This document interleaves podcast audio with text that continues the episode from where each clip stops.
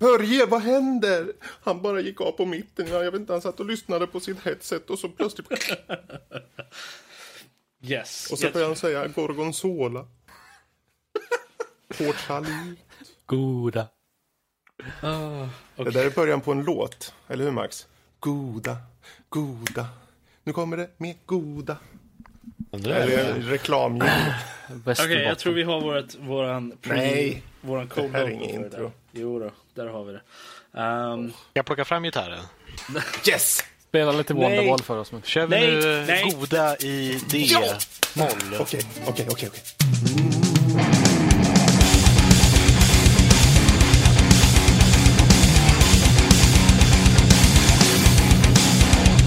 Goda, goda. Mm, no. Goda, goda. No, fy fan. Sjung då, Max. Nej, jag kan inte sjunga. Okej. Jag sjöng Ah, ja. på dop idag istället. Anyway. vi tar och eh, påbörjar avsnittet här.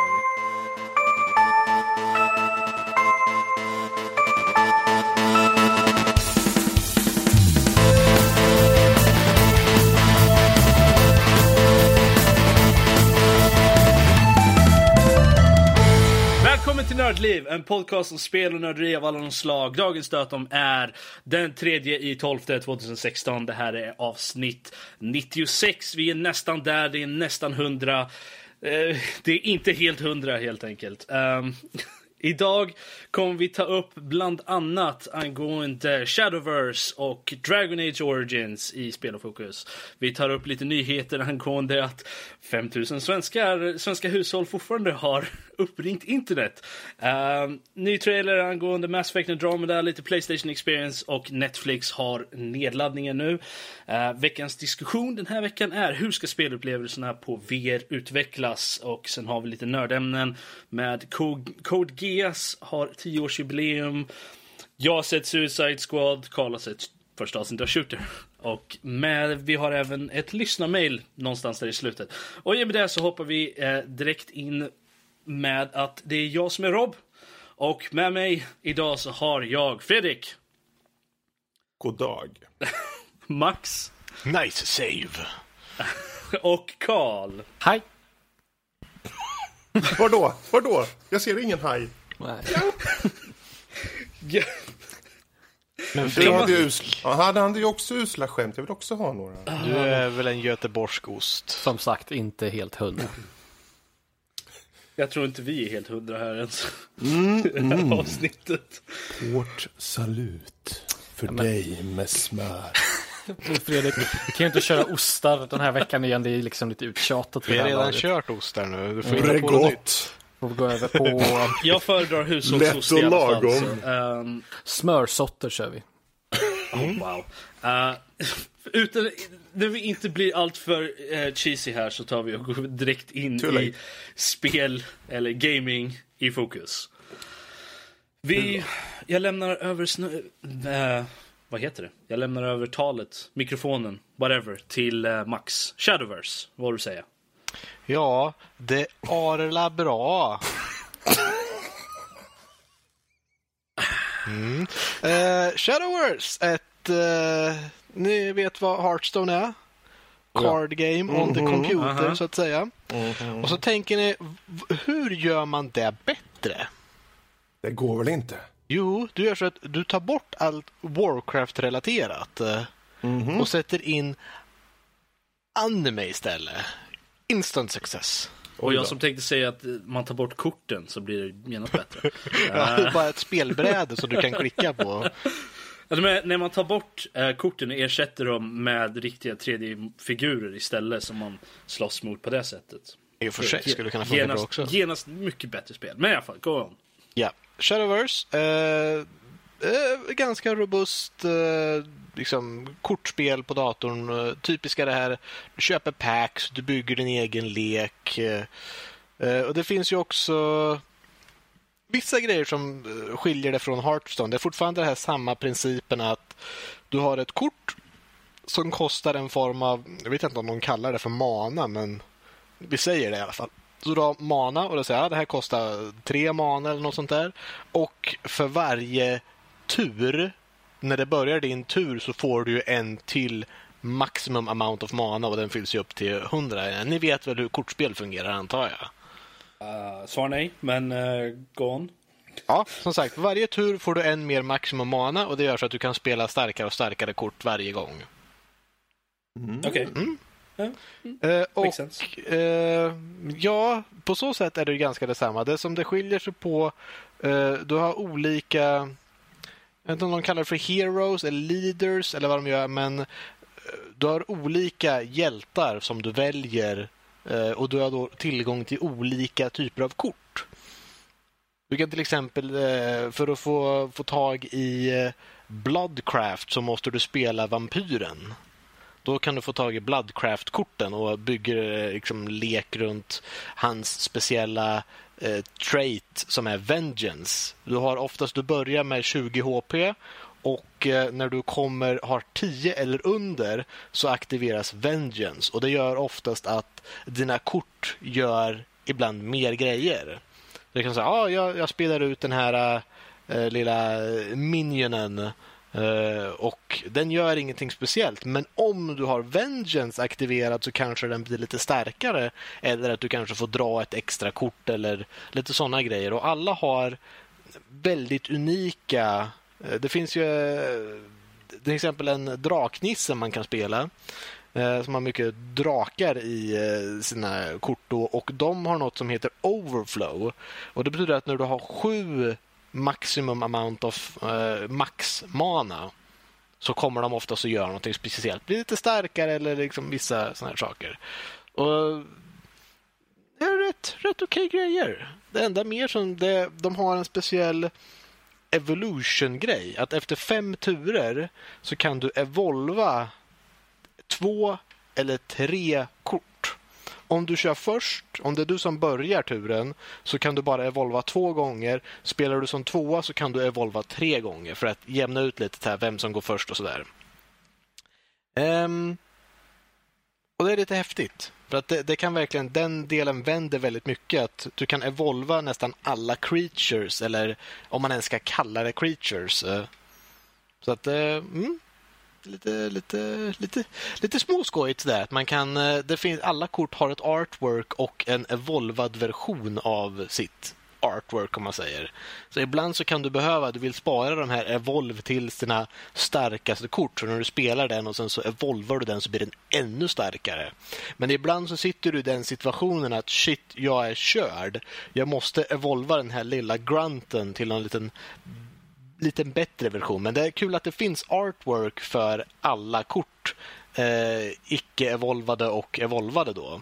Så ibland så vill man evolva kort bara för att se hur de ser ut. Om de liksom blir lite starkare och sånt där. Så att, ja, det är god variation med eh, Eh, Eh, med alla olika hjältar och man bygger ju speciella lekar som bara har tillgång till sina egna kort nästan.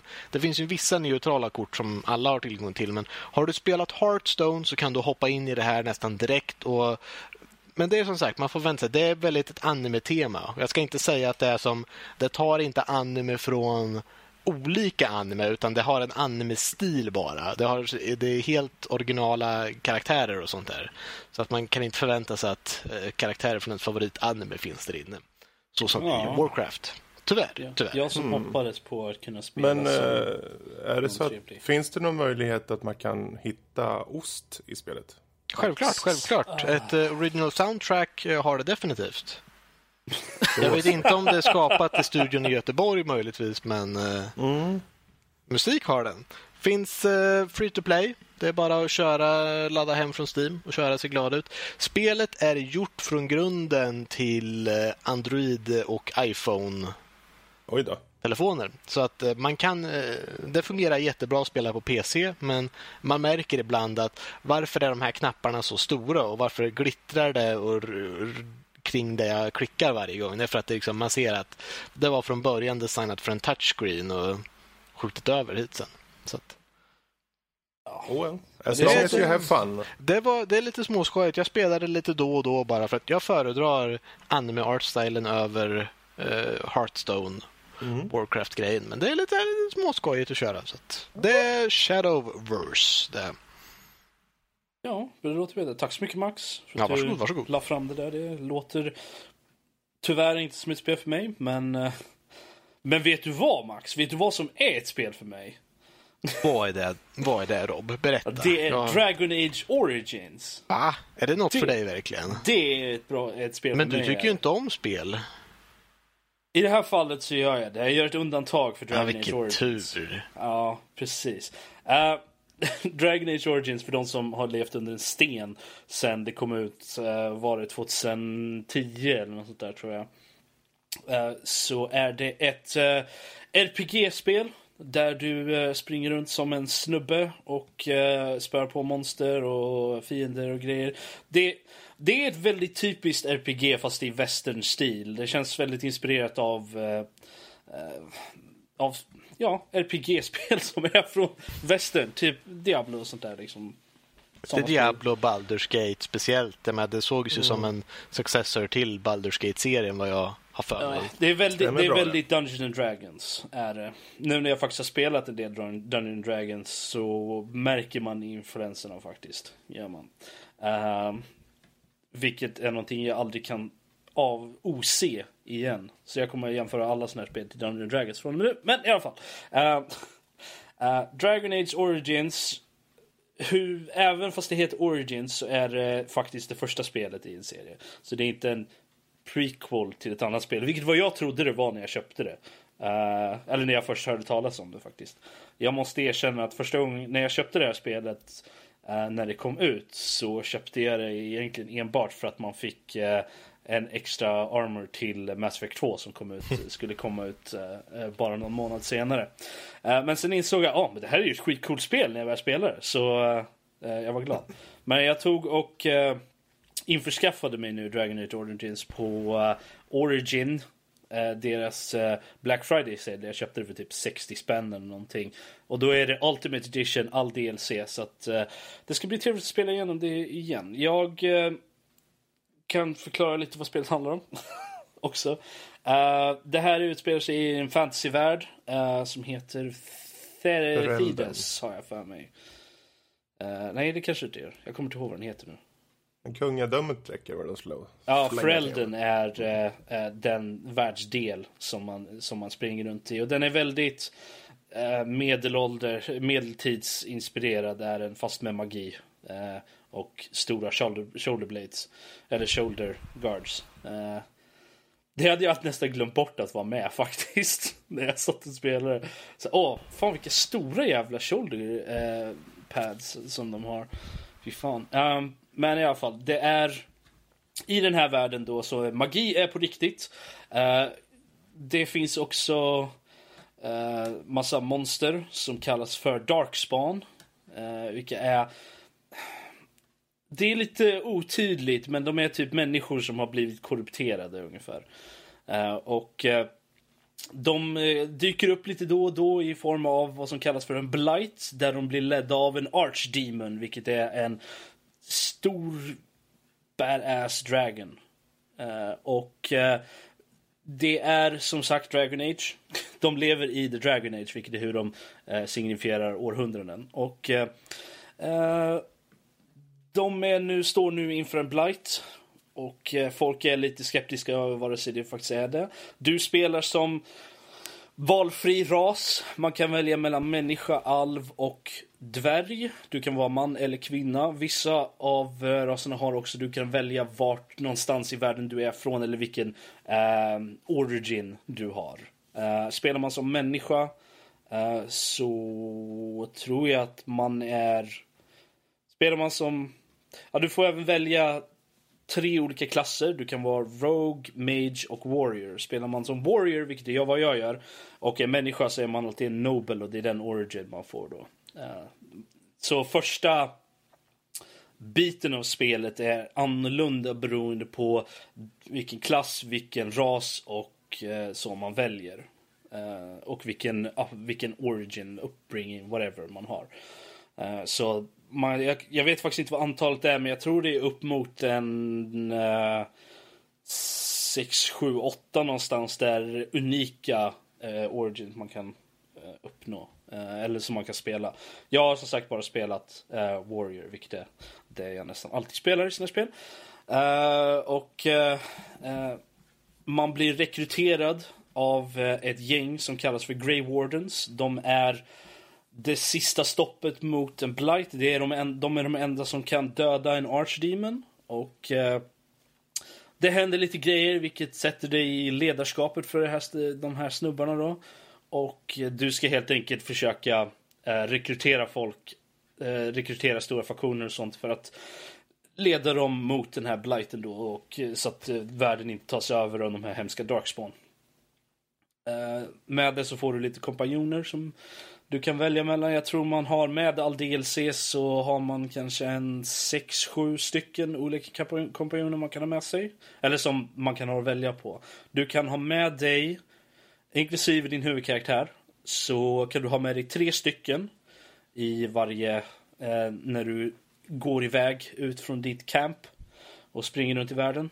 Eh, du kan även prata med dem och det är lite väldigt, det är ju Bioware som har gjort det här spelet. Så att det är väldigt Bioware i med det att du kan prata med dina, dina polare, dina kompanjoner, dina companions och uh, öka det hur mycket de tycker om dig och då får du lite mer options. Du kan ibland få quests från dem och sånt så att det är och uh, det, det fördjupar den lite i, i, att de inte bara är uh, folk som springer omkring med henne och ibland säger någonting. och Vissa saker ändras beroende på vem man har med det är väl, Har man spelat något med Bioware-spel så vet man vad jag pratar om. Uh, har du fått lega med någon? Uh, inte än i den här, det kommer senare. Uh, men jag vet, men när jag, när jag spelade igenom spelet första gången så gick jag för Morgan, för Morgan är het som fan. Plus att hon, röster, rösten görs av Claudia Black, vilket är stort plus också. Så Origin är ett av de bästa spelen i den här serien. Um, tvåan var okej. Okay. Och uh, Inquisition har jag inte spelat klart. Men jag köpte också det på ren. Så nu kan jag faktiskt spela igenom skiten. Istället för att köra den nedgraderade versionen på 360 som jag gjorde förut. Uh, så vi får se vad jag har att säga om det om 300 år när jag väl har spelat, spelat klart skiten. Mm, jag sätter uh. ett alarm redan nu. 300 år. Hur mycket är det i minuter? Uh, jag är faktiskt inte säker. Du kan uh, dela det på 60 oh. eller något där. Gånger det med 60. Mm, jag delar det på 60, så när du satt. Okej, okay, bra. Jag gör det. Uh, matte är inte min starka sida. Men jag tycker att det är jättebra spel i alla fall. Uh, det, har, det märks att det är lite äldre. Uh, grafiken är inte alltid den snyggaste. Uh, och sen har den den där roliga bloodsplatter grejen. Uh, vilket gör när du är i combat så slår på folk så får du bloodsplatter på dig. Och vilket kan leda till om man inte stänger av persistent bloodsplatter så, eller blood, eh, persistent gore tror jag det heter. Så när du går runt i så konversationer och sånt där så är du täckt med blod.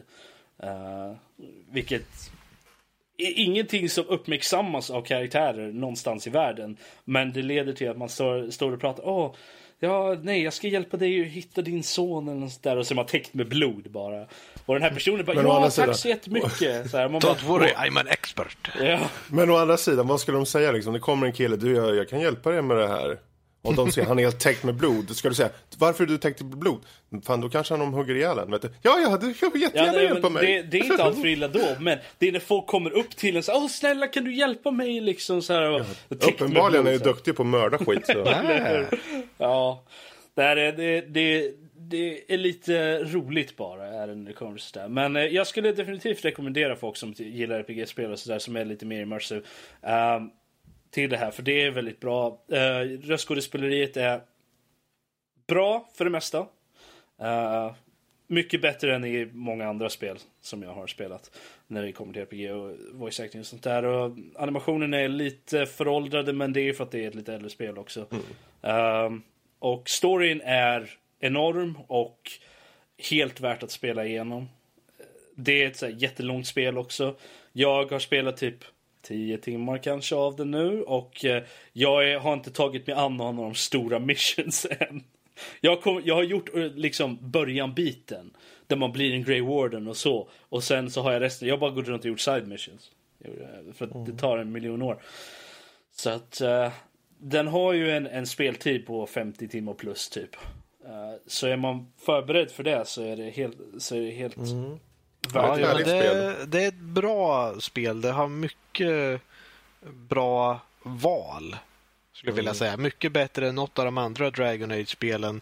Nästan till och med borderline mot Mass Effect. För det är oftast... Här, I main storyn är det där att du är Grave Warden och du ska runt och samla hjälp mot den här blighten. Mm. Så du måste rekrytera allies. Och oftast nästan alla ställen du går till har två stycken olika faktioner som eh, slåss mot varandra och du får oftast välja att hjälpa en av dem. En annan sak som är ganska rolig och vilket är, är annorlunda från Mass Effect gjort det är ju att du kan ju förlora companions också. Om du Ja, går precis. allt för mycket emot det, det som de tycker eller är alldeles för elaka mot dem så eh, och vissa fall kan du faktiskt be dem att bara ge sig av också. Sen finns det vissa companions som du kan missa totalt också. Eh, Det där, är ju, det där är ju ett arv sen Baldur's Gate, för så var det ju där också. Jag, jag kommer ihåg att jag retade upp en snubbe, han var så arg, han bara stack. Ja, de kan till och med Han, han sa inte ens hej då, han bara gick. Ja. Det, det, och karaktärerna är ganska eklektiska också om man säger så. Eh, så att det, det finns, man har ju alltid, man har en, favor, en favor, minst en favorit i alla fall av alla companions man har. Så att uh, det, jag gillar sånt när man, kan, när man bryr sig om vad karaktären och även karaktär, även kompa, companions man har har ju uh, story också, sånt som väver sig in i den överliggande storyn. Speciellt några stora av dem också som, som är väldigt uh, viktiga för main storyn. Så att uh, jag gillar när sånt. Där det inte bara handlar om huvudkaraktären också. Så, Ja. Har du Men- kommit till skogen än där, du, där man ser att det är alver och varulvar? Som sagt, jag har spelat spelet Ah, genom spel, hela spelet förut har jag gjort. Så att, Ja. eh, jag, jag har ju sett det och ja, Jag, säger det, jag kommer bara ihåg, det, det starkaste från min det där var ju att jag gick igenom det stället och bara slaktade varulvar. Och kände att dö, dö, dö, dö, dö, dö, dö, dö. Hela vägen slaktade mig in tills jag kom till varulvarnas ledare. Och sen så vände jag och slaktade alla arver och sa vi ska hjälpa varulvarna, varulvarna måste leva, de är de bästa vännerna man kan ha. Det var, jag kommer bara ihåg den skiften att liksom alla varulvar ska dö tills jag fick tala med deras ledare. Då var det alla alver ska dö. ja. Men Visst, det är jag kunde botat varulvarna men det är roligare att ha en armé av varulvar och vara på den goda sidan av deras ledare. Det var det viktigaste.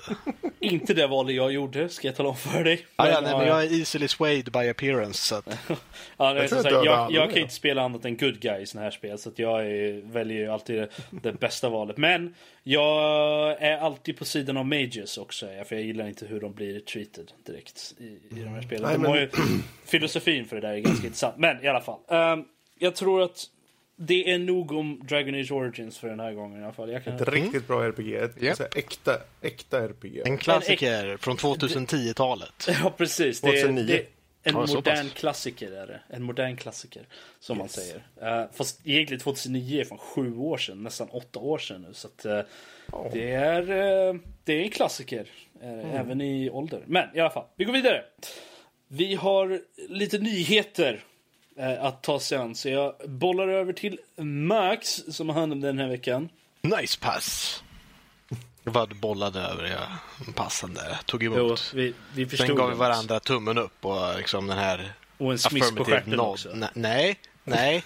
Då kunde du gett bollen till mig. Då hade du inte behövt kasta den. Så, nyheter denna vecka. Visste ni att det fortfarande finns hushåll som använder sig av det här goa modemen som man ringer upp? Så de, de, de hör fortfarande den här goa tonen med att det verkligen skriker och... Ja. Mysigt. Snyggt. Ehm, 5 000 hushåll sägs det i Sverige, Sverige som eh, bestämt. fortfarande har sådana. Alltså, jag, jag har svårt att tro. Jag, jag har både svårt att tro på det och samtidigt så är jag liksom inte förvånad. eh, För fem öre. Vi satt liksom och människor, alltså. Diskuterade det. Ja. Det borde liksom inte ens gå att ladda en hemsida med, med reklamen lär ju buffra för att kunna ens komma fram. ja, jag förstår inte riktigt hur de... Sitter de också på så här gamla datorer också med Windows 95 eller? Alltså Eller förmodligen, man kan ju tänka det om man har så pass urrollad uppkoppling så lär man väl vara nöjd med den liksom och då sitter man också och bara inne på, ja jag vet inte vad som var populärt för länge sedan men när det kommer till hemsidor men ja. Alltså jag är inte säker. Alltså det, det, jag har, som Max säger, jag har väldigt svårt att tänka mig att man skulle kunna ladda någon sida ens i dagsläget. Det gäller ju i så fall så här jätteminimalistisk sida, men jag kan inte tänka mig, även Facebook skulle ju inte gå att kunna ladda liksom. Och Eh, Aftonbladet med Ja. 41 miljarder reklamrutor. Ja, du kan De ju måste inte ju bara- streama någonting. De, de måste ju bara använda internet för typ e-mail i så fall. Textbaserade webbläsare. Det tar en dag att skicka ett mejl med en bild liksom. Mm. Jag, menar, jag kommer ihåg, alltså det, för de som kanske inte har upplevt ett sånt här modem som är lite av den yngre varianten, nu känner jag mig gammal men det är bra. Eh, med, med ålder kommer visdom säger vi. Eh, och ladda upp en bild. Hur man, liksom, man såg att bilden långsamt så här laddades upp med liksom ett streck i taget alltihopa. Mm. Liksom. Man ser att ah, där, då kommer den. Ja, det var en bild. Okej. Nästa. Och sen formas liksom så hoppar allting runt för att allting har inte laddats än riktigt. Så Mhm. kommer in så nya saker så hoppar det runt och så. Ja. Ja, Mm. men jag- fan, folk gnäller, jag har hört folk gnälla liksom, ah, fan vad lång tid det tar att ladda den här bilden som är på typ 4K-bild eller någonting. Så, ja, det tar en stund. Ja, det tar ett par sekunder att ladda den. Fan, när jag var ung, när, jag, alltså när, jag, när jag var i, i, i mitten av tonåren någonstans så hade vi fortfarande eh, dial-up. Hade jag. Eller jag, jag måste ha varit kanske 13-14 någonstans.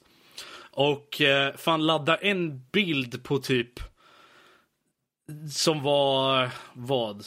Kanske 480 gånger någonting liksom.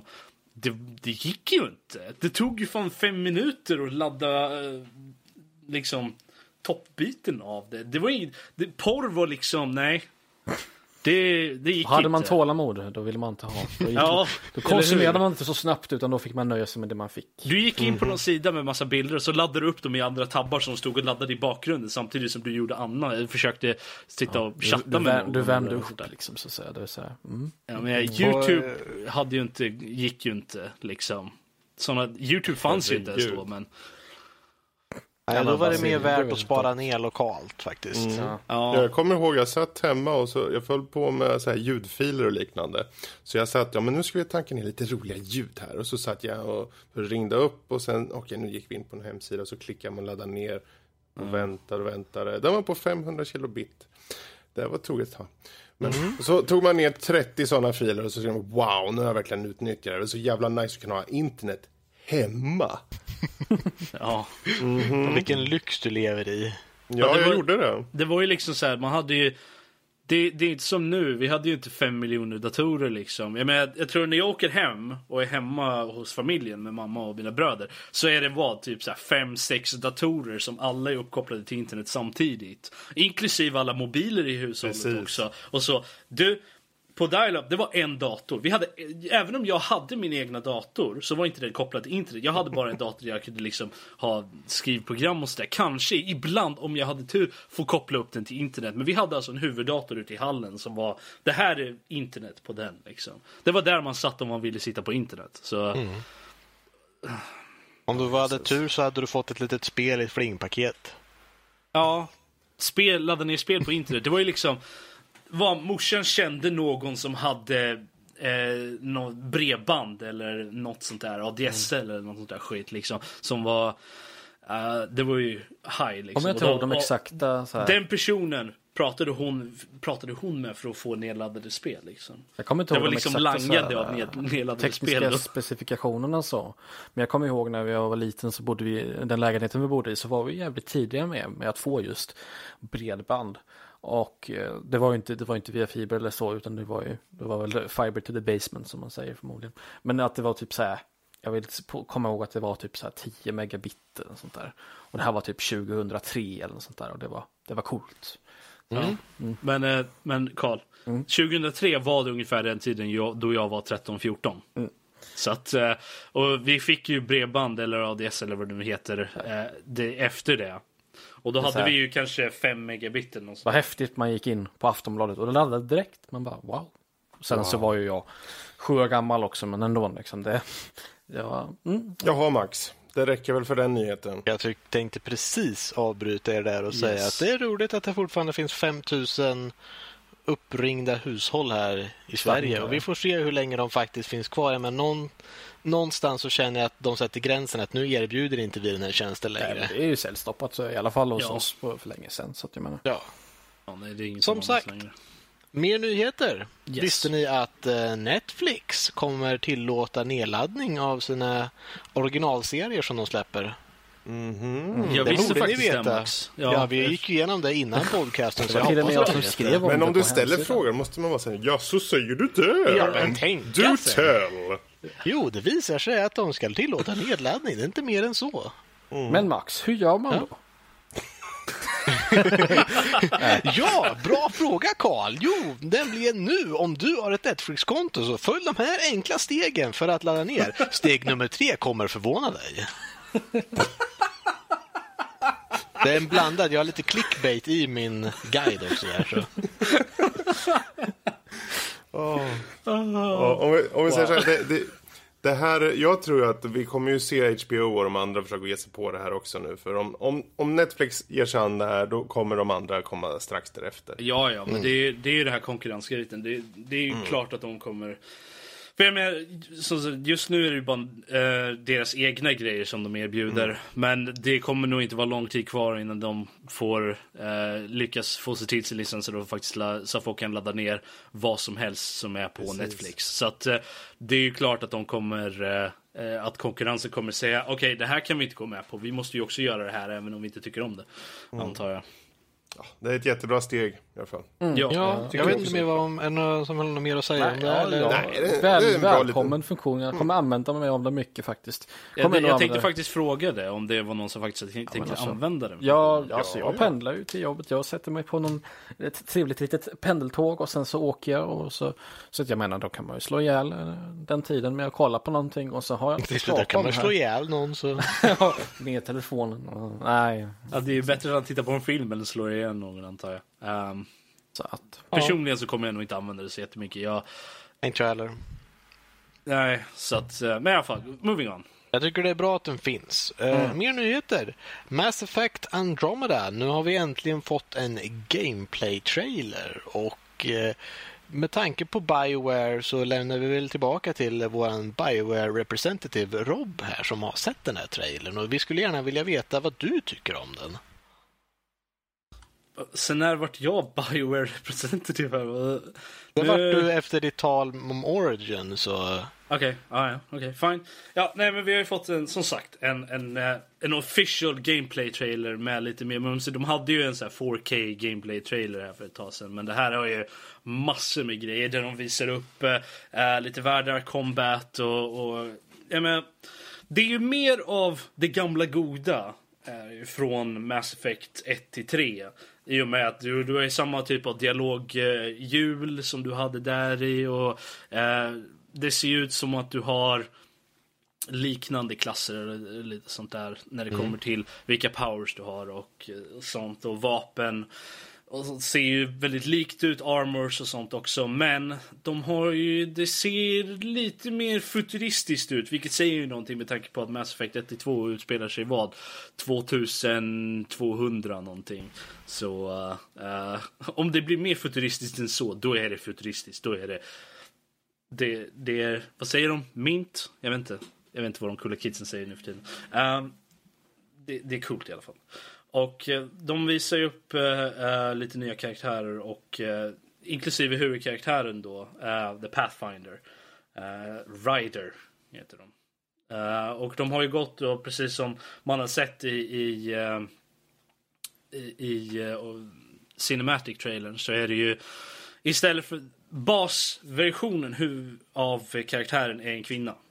Istället för en man som det var i, i originaltrilogin. Vilket är intressant. Och man fick se henne, hon ser väl okej okay ut. Det var folk som gnällde lite på att uh, de tyckte att facial animations var lite opolerade. Uh, de var lite så här, uh, och Mass Effect och Bioware har ju då gått och sagt, sagt att ah, vi håller på att fixa på det fortfarande. Ta det lugnt. Spelet kommer inte ut än förrän i, i vår. Så. men vi fick se lite mer combat också, uh, vilket var intressant. Man kan ju hoppa nu. Man har någon sån här grej som... Jag vet inte hur jag ska beskriva det riktigt. Uh, det ser ut att vara någon, någon sån här charge jump typ. Du, du typ hoppar upp lite så kan du charga framåt och smälla till fienden liksom. Uh, men det gör ju också att uh, du har lite mer options ju när man har under combat då. Uh, man såg till exempel i trailern som att det var någon snubbe som satt upp i torn och sköt på en. Och då kunde man hoppa och flyga upp och smälla till honom. Så man behövde liksom inte skjuta honom utan man kunde bara upp och smälla till och punta ut honom därifrån. Um, och då fick man ju också så att man kunde hoppa därifrån och ha lite mer utsikt och så.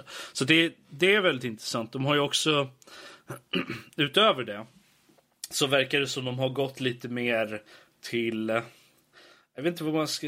Det är lite mer crafting, gather crafting biten. Jag vet inte riktigt vad jag själv tycker om det. Men det är, man fick se, man har någon sån här ny scanning grej. Eh, som kommer upp så här, Och så ser man vad saker är för någonting runt omkring den och så. Um, och det är även så plantor och växter och sånt där som visar att den här grejen ger dig det här. Okej, okay. Så man kan plocka upp det och använda för uppgradering av vapen och sånt där. Så för tydligen är resurser väldigt uh, uh, scarce i, uh, i Andromeda. Vi fick även se lite smått av nya kreatur och lite smått av nya raserna och sånt där. Jag tycker det verkar väldigt intressant. Nu har jag suttit och pratat i typ tre minuter, så är det någon mm. som har något att pipa in angående det här? Nej. Tack Rob. wow. Um... Jag känner att du har fyllt ut allt som skulle kunna mm. behöva sägas ja, du, där. Du har, du har, fyllt på väldigt mycket där. Ja, det, det är intressant i alla fall. Jag är väldigt hypad för spelet. Ja, vad bra. Jag är medelmåttigt hypad. Jag tyckte det kändes väldigt mycket action och det var... Eh, och crafting och grejer. Det ja. känns så splittrat. Det kändes inte... För mig kändes det inte Mass Effect bara. Men uh, om vi säger så här. Jag litar på Bioware och jag tror säkert att det kommer bli ett jättebra spel. Men jag blir inte så här superhypad av trailern bara. That's it. Nej, jag ligger med där också och säger att nej, det, det ska bli intressant att testa den när det kommer ut. För jag tror jag kommer att testa det. För en som har spelat Mass Effect 1, 2 och 3 så känner jag att ja, men jag ska ja. nog testa det här i alla fall och se vad, vad de har gjort med det. Mm. Det är väl okay. där jag sitter också. Men jag bedömer det när jag spelar det själv istället. Okej, ja, men vi går vidare till nästa nyhet då antar jag. Självklart. Nästa nyhet. Playstation Experience håller på just nu. Och eh, vi har fått lite roliga annonseringar där kring eh, vad som kommer komma ut. Och ja. eh, Bland annat Marvel vs Capcom-serien. Den här eh, fighting-delen där kommer rebootas och få en remake. Så mm. Marvel vs Capcom 3 som kom ut kommer då få en remake och komma ut då på PS4 och PC liknande där. Så du får lite en eh, 1080p 60 fps men också en eh, ny reboot av Marvel vs Capcom som heter då Marvel vs Capcom Infinite som jag har hört ryktas om ska fokusera mer på, på Marvel-sidan då på Marvel Cinematic Universe. Det vill säga att mm. du har med karaktärerna som liknar dem i filmerna. Och mm. liksom göra tie-ins därigenom. Och då det är väldigt lätt att kunna göra en film och sen till exempel slänga in DLC-karaktärer när filmerna kommer ut. Det är ju ah, både... pengar. pengar. Men jag undrar där lite, för, för då om, om det är MCU mm. och de hade med till exempel uh, Captain Marvel eller vad hon heter. Mm. Uh, då tänker jag, men om det är MCU, då måste ju det visa hur hon kommer se ut i den filmen som ska göras om ett år eller två. Har inte vi mm. redan sett någon pre-grej för det? Det finns mig. ingenting på den så länge. Förutom de... att de annonserar skådespelerskan. Jag hade för mig att de visade upp en, eh, en, en, uh, hennes dräkt. Det är kanske jag som minns fel bara, men jag har för mig att jag såg någonting angående det. Men det om inte ja. annat så då har man ju sett det nu på sätt och vis. Ja, om det är så. Det som sagt, jag har så. hört det mm. ryktas mm. om bara. Uh, och sen har vi ju då, sagt, de andra karaktärerna vi ser i trailern är ju Iron Man, uh, Ryu, Megaman och det här då Captain Marvel som är en tjej då som jag inte mm. känner till. Uh, men, Iron Man går ju inte riktigt att bedöma för att Iron Man är ju Iron Man i rustningen. Mm. Man ser ju inte om det är Robert Downey Jr bakom eh, Nej, masken direkt. Men vi får se. Det är vad jag har hört ryktas om och det vore coolt om det var så. Men om det faktiskt är så, eh, jag kan inte lova det. Nej. Lite mer roliga remakes som kommer ut. Eh, Crash Bandicoot kommer tillbaka. Parappa the Rapper är ett känt. Wipeout kommer en hel hög med sådana. Mm. Eh, och så där lite mer smått och gott. Nino Kuni 2 och eh, The Last of Us Part 2. Lite roliga uppföljare där på eh, spel som har eh, Ja. fått väldigt goda kritiska betyg. Man kan säga så, här, jag satt ju och såg på den här live då och tyckte att det är kul att de har den här Playstation Experience. Den har verkligen växt lite nu. Det är inte som Ja, att ja, de, de kör en timma bara egentligen. Men det väcker lite liv så här på i decembermörkret att det kommer ut lite. Sen om det är mycket HD-remakes så, det kan man tycka vad man vill om. Men att de kommer precis i slutet där, ja, det här är en early, väldigt early liksom, och så är det Last of Us Part 2. Det, ändå, det väcker liv i, i PS4 och konsolerna, eh, rent generellt tycker jag. Eh, det är kul att se. Yakuza 6 och 9 och Let It Die, och spel man var som The Grim Reaper som skatare med solglasögon. Jag tänkte, vad är det här för någonting? Och så var det något Windjammers, jag vet inte om det var något som har funnits förut. Det aldrig känner jag till. Ja, man kastar så här disks. Det ser ut som så här åtta bitars eh, någonting. Man ser rakt ovanifrån och man tänker, vad är det här för något? Men det måste väl vara någon... Windjammers har jag för mig är en väldigt, nu kan vara helt fel här, jag har för mig att det är en väldigt populär arkadmaskin. Ja, men det kanske det är, ja. Har jag för mig. Nu, jag för mig att jag har hört det någonstans, kan vara helt fel. Vad, Det som vad är var det lite- där med döden som skejtare? Jag måste ha zonat ut i två Let sekunder. it die hette den. Den, var, den såg väldigt så här, man, vad är det här? För jag Väldigt- såg, ja. jag, jag såg på jag tror det var Team Ninja. Jag såg på Youtube. De som har gjort Dead or Alive-serien och eh, Ninja Gaiden-spelen. Mm. Jag, så, jag såg nämligen på Youtube här någon som spelade ett spel som hette Manual Samuel. Och där så var det döden som typ en skateraktig karaktär. Så jag tänkte Okej. what? Ehm, men det, det är troligtvis inte relaterat då. Eh, folk som hade samma idé bara, antar jag. Kanske. Ja, men Döden är en väldigt känd skatare. Eller nej Eh. förresten, det var Grasshopper Manufacture. Så var det. Ja, Okej. men det såg lite småkul ut i alla fall. Jag tänkte, Ja. vad tusan är det här? Så ett till Yakuza-spel på listan också såg jag där. Jag tittar Mm. över i min spelhylla och ser där att jag har ja, men Yakuza 3 måste jag spela klart för jag har en oöppnad version av Yakuza 4. Så visste jag inte att femman fanns tillgänglig och nu ska de annonsera ut sexan. Så att, Mm. Wow. Det var en till Yakuza också tror jag. Men jag vet, kom- det var nog... Det stod två titlar. Jag vet inte om det var samma. det räcker med Yakuza-spel. De är lite småroliga men ja, Mhm. ett i Nej, taget. det, ja, det stora var väl Last of Us Part 2 kanske. Mm. Ja. Ja, men den är stor. Jag tycker det ser intressant ut. Vi får se. Det, det verkar ju vara några år efter i alla fall. Ja, Det och det fortsätter väl eh, Playstation Experience fortfarande nu såg jag. Så att, eh, Ja, de körde ju en Capcom-turnering i Street Fighter bland annat. Ja. Eh, och vi hade hoppats på, jag vet inte om de kommer annonsera något mer eller om de är klara nu. Eh, de annonserade ju eh, Akuma till Street Fighter 5 som en karaktär Precis. också. Men jag vill ju fortfarande se, med tanke på att det är Playstation, får vi några nyheter om Final Fantasy 7-remaken är ju jag intresserad av, men tror väl inte det om de, är riktigt, om de är klara, för jag tror inte de sparar det till något sånt där. Det skulle Nej, nej. komma Nej, det det känns som det hade varit en headliner i så fall. Ja, jag tror att de tagit med. väntar nog med mer nyheter om det. Det är ju helt klart att The Last of Us Part 2 var deras stora egentligen. Mm. Det, det känns som det i alla fall. Eh, Det var dock, jag personligen fann det kul att se Wipeout komma tillbaka. För det var väldigt länge sedan de ens pratade Den om det. kom ju ut ganska nyligen, eller någon sån här succession till det. Mm. Det, kom, det kom ut någon här 2014 tror jag någonting. Men det är ännu nyare än så. Något, Jaha. vad heter den? Den heter någonting med eh, Red för mig. Kan Okej, jag som... eh, Red Out, heter den inte så? Inte Wipeout utan det är Red Out. Och det skulle ju vara typiskt uh, Wipeout, uh, ny Wipeout. För jag kommer ihåg nämligen för den har eh, VR-stöd. Om man blir blir riktigt Ah. åksjuk. Hua, hua. är, är Wipeout alltså ett bilspel? Eh. Tänk det mer som eh, nästan lite liknande mer eh, podracing från första Star Wars-filmen och inte första Ja. filmen utan Star Wars 1. Jo, men jag förstår vad du menar. Okej. Ja. Så det är ett racingspel i alla fall? Ja, Ja, på en bana, men väldigt futuristiskt. Okej, okay, ja. Nej, för jag tänkte Wipeout, tänker jag, då tänker jag på Ja, det är inte TV-programmet. där du Ja. hoppar på bollar och ramlar i Ja. vatten. Ja, nej, Eh, i alla fall. Ah, ja. Nej, jag tror att eh, det får räcka med nyheter där, tror jag. Eh, Absolut. Vi eh, går raskt vidare. Rask vidare, va? Vi, vi knallar vidare i alla fall inom våra punkter. Och den här gången så är det vidare till veckans diskussion. För alla är hypade, eller hur? Alla vill ha diskussion. Yes! Ja, jag hör det allihopa bra. Eh, den här veckan så pratar vi om hur ska spelupplevelserna på VR utvecklas? Vilka speltyper vill vi se och hur tror vi VR-spelmarknaden ser ut om tio år? Ordet är öppet. Vem vill börja?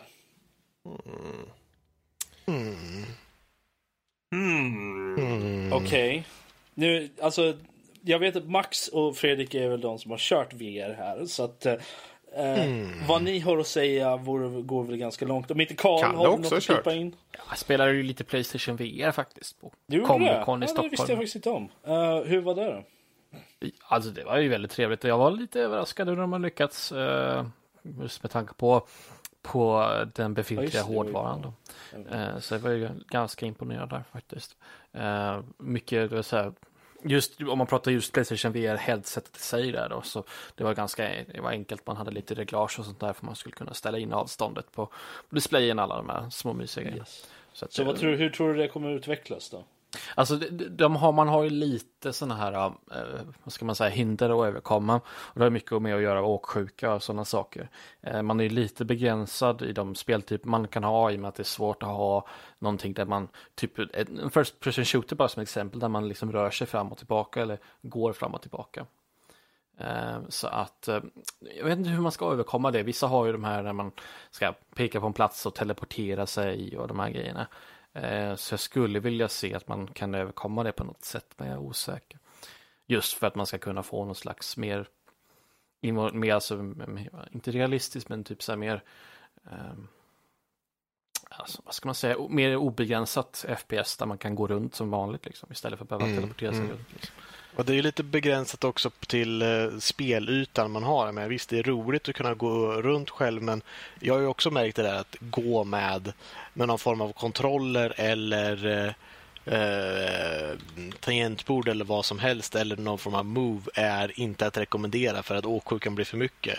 Det jag har sett lösningar på just åksjukeproblemet att gå och röra sig, det är att de plockar bort eh, de plockar bort din field of view. Mm, mm. Så att där du, så liksom, allting blir grått vid, eh, liksom, runt i en cirkel runt mitten där du har fokus på.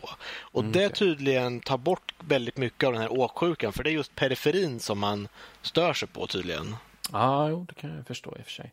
Mm, så det är väl en sån sak som jag vill se begränsat. för. Ja, och sen, alltså priset är ju en uppenbar grej skulle jag vilja säga egentligen. Eh, att få en bra VR-upplevelse i dagsläget är ju ganska svårt att, att komma till om man säger så. Dels måste du ha eh, headsetet i sig, om man tar Vive som exempel, där får du lägga ut 10 lax och sen ska du ha en dator som klarar av det i rimlig mån att, att köra Mm. datorn. Och du, kan- du kan liksom inte heller eh, så här kattna, du kan inte ta så här budgetera, ha en budgetdator heller för att du måste ha konstanta 90 fps liksom. Så, Oh ja, eh, oh ja. Annars så blir du åksjuk igen. Det går inte att snåla på något sätt så att säga, än så länge. Men vad tror ni är det viktigaste när det kommer till eh, vilka spelupplevelser vi vill ha i närmsta framtiden? Vad, vad, vad känns som att en natural progression från här? Jag, jag tror att det som, det som hela den här VR-branschen står inför nu och faktiskt på något sätt filtrera ut de upplevelser som faktiskt funkar och filtrera bort de som inte funkar. Som det som vi testade hos dig Max, det var ju till exempel Audio Shield och sen var det den här Raw Data till exempel. Ja. Eh, och eh, nu vet inte jag hur länge de har funnits ute och så, men de är ändå tidiga och jag kan tänka mig att nu, nu kommer vi se många andra spelutvecklare titta på de spel som finns ute, testa dem och försöka tänka, okej, men vad är det som funkar i det här och vad är det inte som funkar?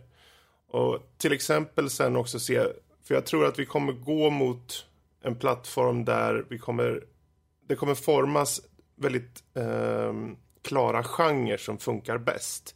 De de stillastående genrerna där man står helt still och sen kommer saker emot den, kommer bilda någon form av egen genre och sen kommer kanske subgenres under den, till exempel. Mm. Um, och eh, jag vet inte om det var Ison testade den, men det var, det var någonting man höll i ett skepp rymdskepp i Det handen. är en del av The Lab som är uh, Valves egna mm. lilla, en del av deras minigames som man säger. De har en 6-7 stycken minigames och det är ett av dem där du håller, istället för att du är skeppet eller first person view så blir en av dina kontroller själva skeppet. Mm. Som du då får liksom, flytta runt på, på uh, undvika skott och sånt där. Den är, den är riktigt intressant och det är den enda jag har sett ja. riktigt göra så.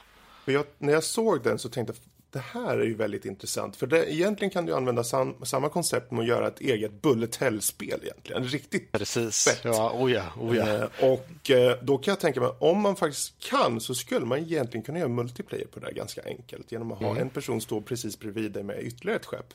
Ja. Hållandes. Till exempel. Så det, just det här konceptet med det här bullet hell, och det är ju samma egentligen som audio shield, det kommer saker emot dig. Mm. Uh, så jag tror just den, jag vet inte vad man ska kalla den, standing still getting shot at genren. Men typ sådana, uh, den genren tror jag kommer utvecklas. Jag tror det kommer, vi kommer verkligen se, förutsatt att VR håller i sig, uh, mm. så kommer vi nog se, om, jag säger tre år, så kommer vi ha en betydligt bättre upplevelse och en betydligt smidigare upplevelse på, på hur de liksom utnyttjar mediumet. I den formen av genre i alla fall. Yes. Okej. Okay. Uh... Mm. mm. Men om man har liksom, det finns ju de som, det som säger emot det just nu som jag tror mm. jag bara upprepar egentligen det Karl sa tidigare. Det, att det är åksjukan och eh, priset. Mm. Och de går ju lite hand i hand för att priset för VR och en bra dator. För har du inte en bra dator så kommer du bli åksjuk för att du kan inte hålla uppe FPSen. Och sen är det väldigt mycket, som sagt, det här med det här att man rör sig och man tar bort field of view och då det motverkar åksjukan. Det var något som faktiskt eh, såg det absolut senaste jag provade eh, eh nyligen. Det var det jag gjorde Google Earth VR. Mm, mm. För där har de så att när du, när du ska zooma in, när du, ska, när du går runt omkring på jorden och tittar på ett ställe så, så har du liksom full field of view. Men när du klickar någonstans att jag vill åka dit bort eh, då när man, medan man färdas till den platsen så tas uh, din field of view bort och sen kommer den tillbaka in igen när du är på plats. Och det fungerar, jag vet inte hur de lyckades hitta det men det motverkar väldigt mycket uh, åksjukedelen av den här rörelsen när mm. du själv inte rör på dig.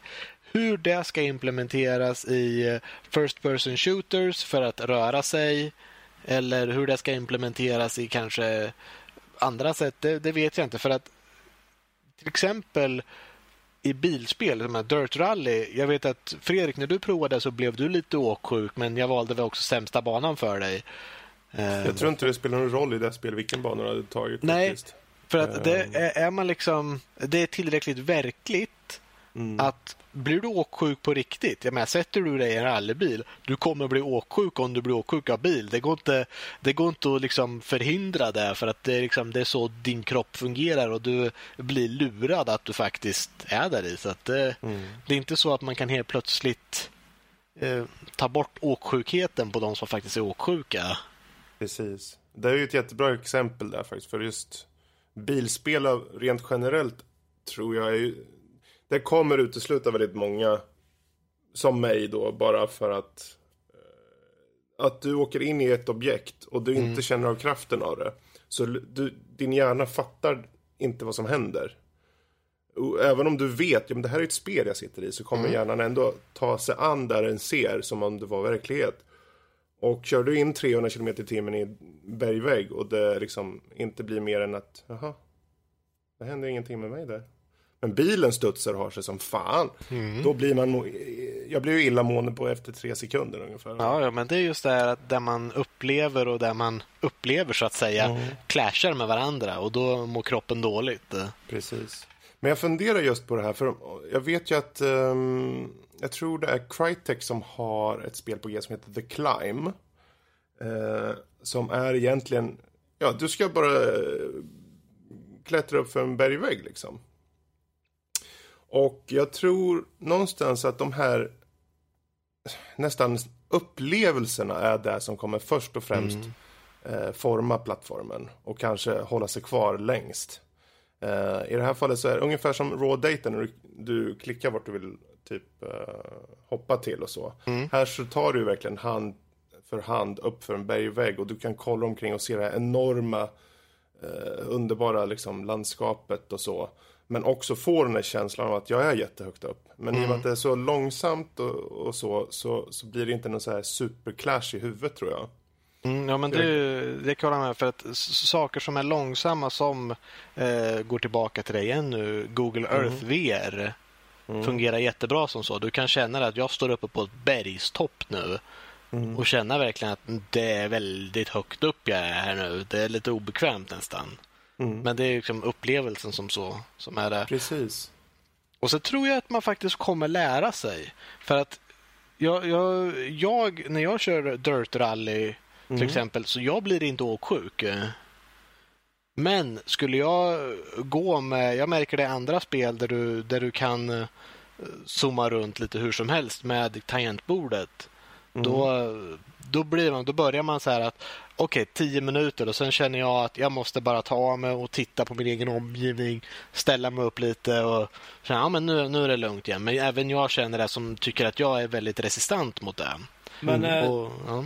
Men, men eh, det är så, åksjuka eller eh, illamående är alltså en stor grej som behöver fixas och så. Men vad, vad tror ni, som frågan gäller liksom, vad, vad, vad tror vi spelmarknaden för VR ser ut om typ 10 år ungefär? Vad, vad tror vi vi kommer vara någonstans där? en stor del kommer av- VR finnas kvar om 10 år ens?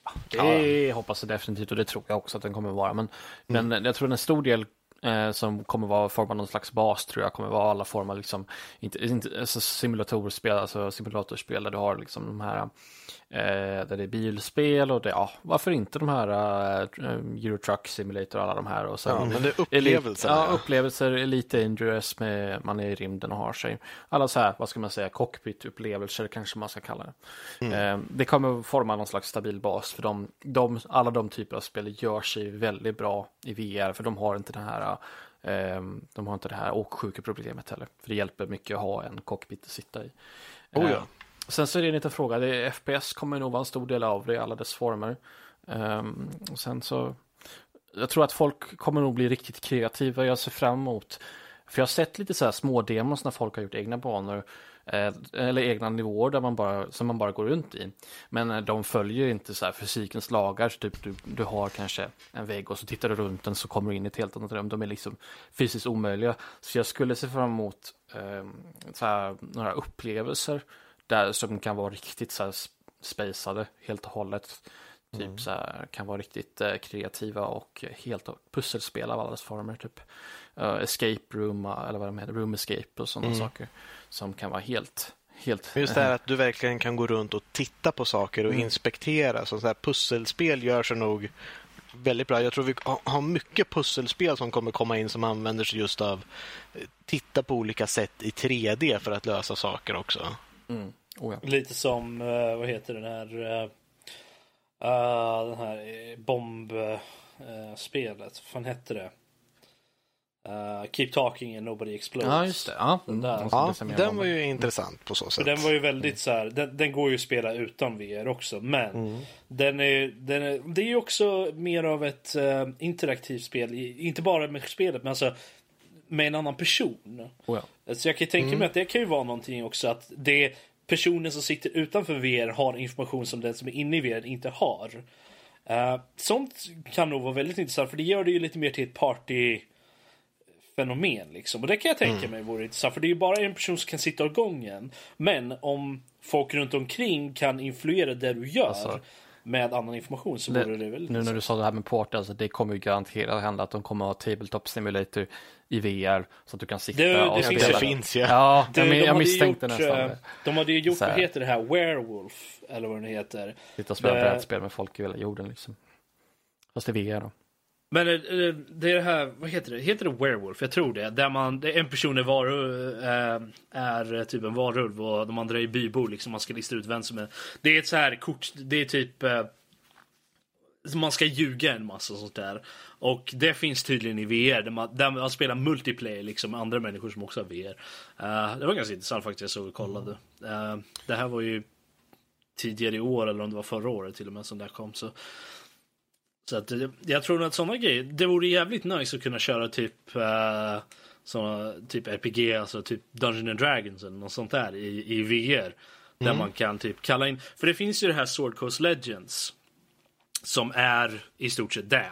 Där, du, där det är en som är, är en Dungeon Master som bygger upp hela äventyret runt omkring dig. De har alltså assets och alla sånt. Medan du, du dina spelare springer omkring.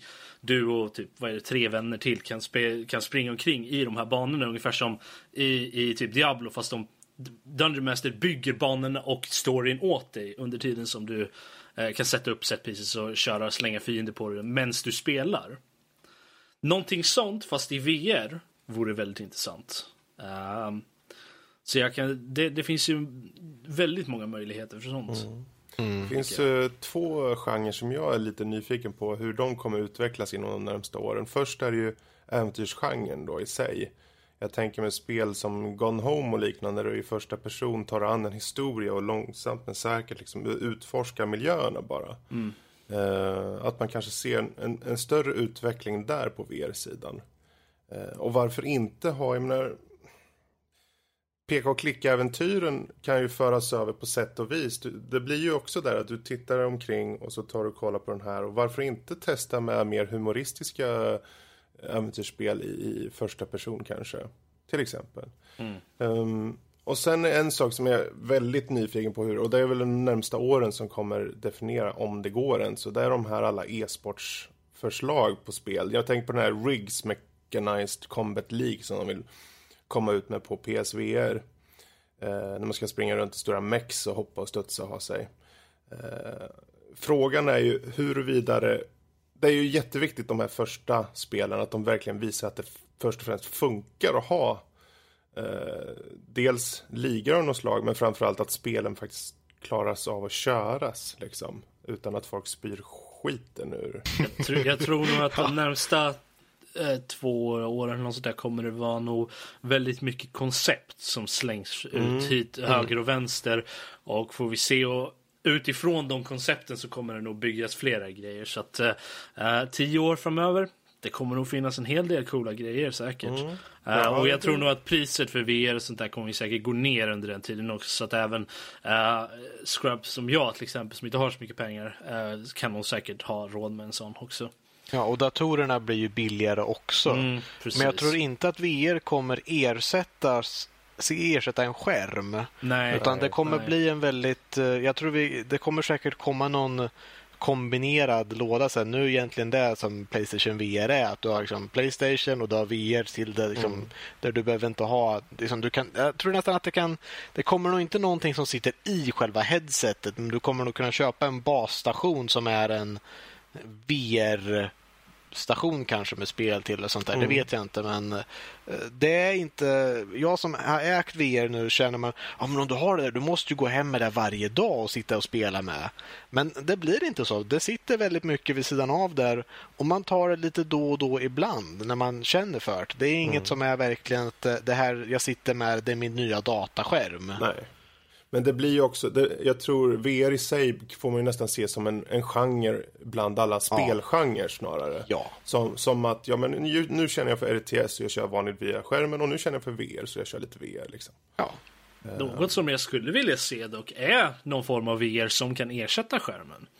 På mm, något sätt. Ja, de har uh, lite grejer innan de kommer dit. Men, ja, uh. nej, men någonting sånt så att du egentligen inte behöver en skärm. Alltså jag skulle nog, jag vill ha skärm tror jag. Eh, så det, det, är inte det, men det skulle vara intressant att ha. För då är egentligen så, du behöver inte köpa en ny skärm eller sånt där, för du har ju egentligen infinite size inuti mm. VRen. Så då kan du ju ha 40K, eller äh, 40K, 4K menar jag såklart. Uh, uh, I själva datorn direkt liksom. Du behöver inte ha eh, en, en skärm som är enorm liksom för att kunna se eh, se den storleken liksom. Och du kan ju sitta i liksom biosalong typ och sitta och titta liksom i den storleken på, skär, på, på skärmen. Och sen kan du ha en liten en med lite fönster vid sidan om liksom sådär. Eller, eller om man slopar skärmbiten överhuvudtaget och bara har fönster istället.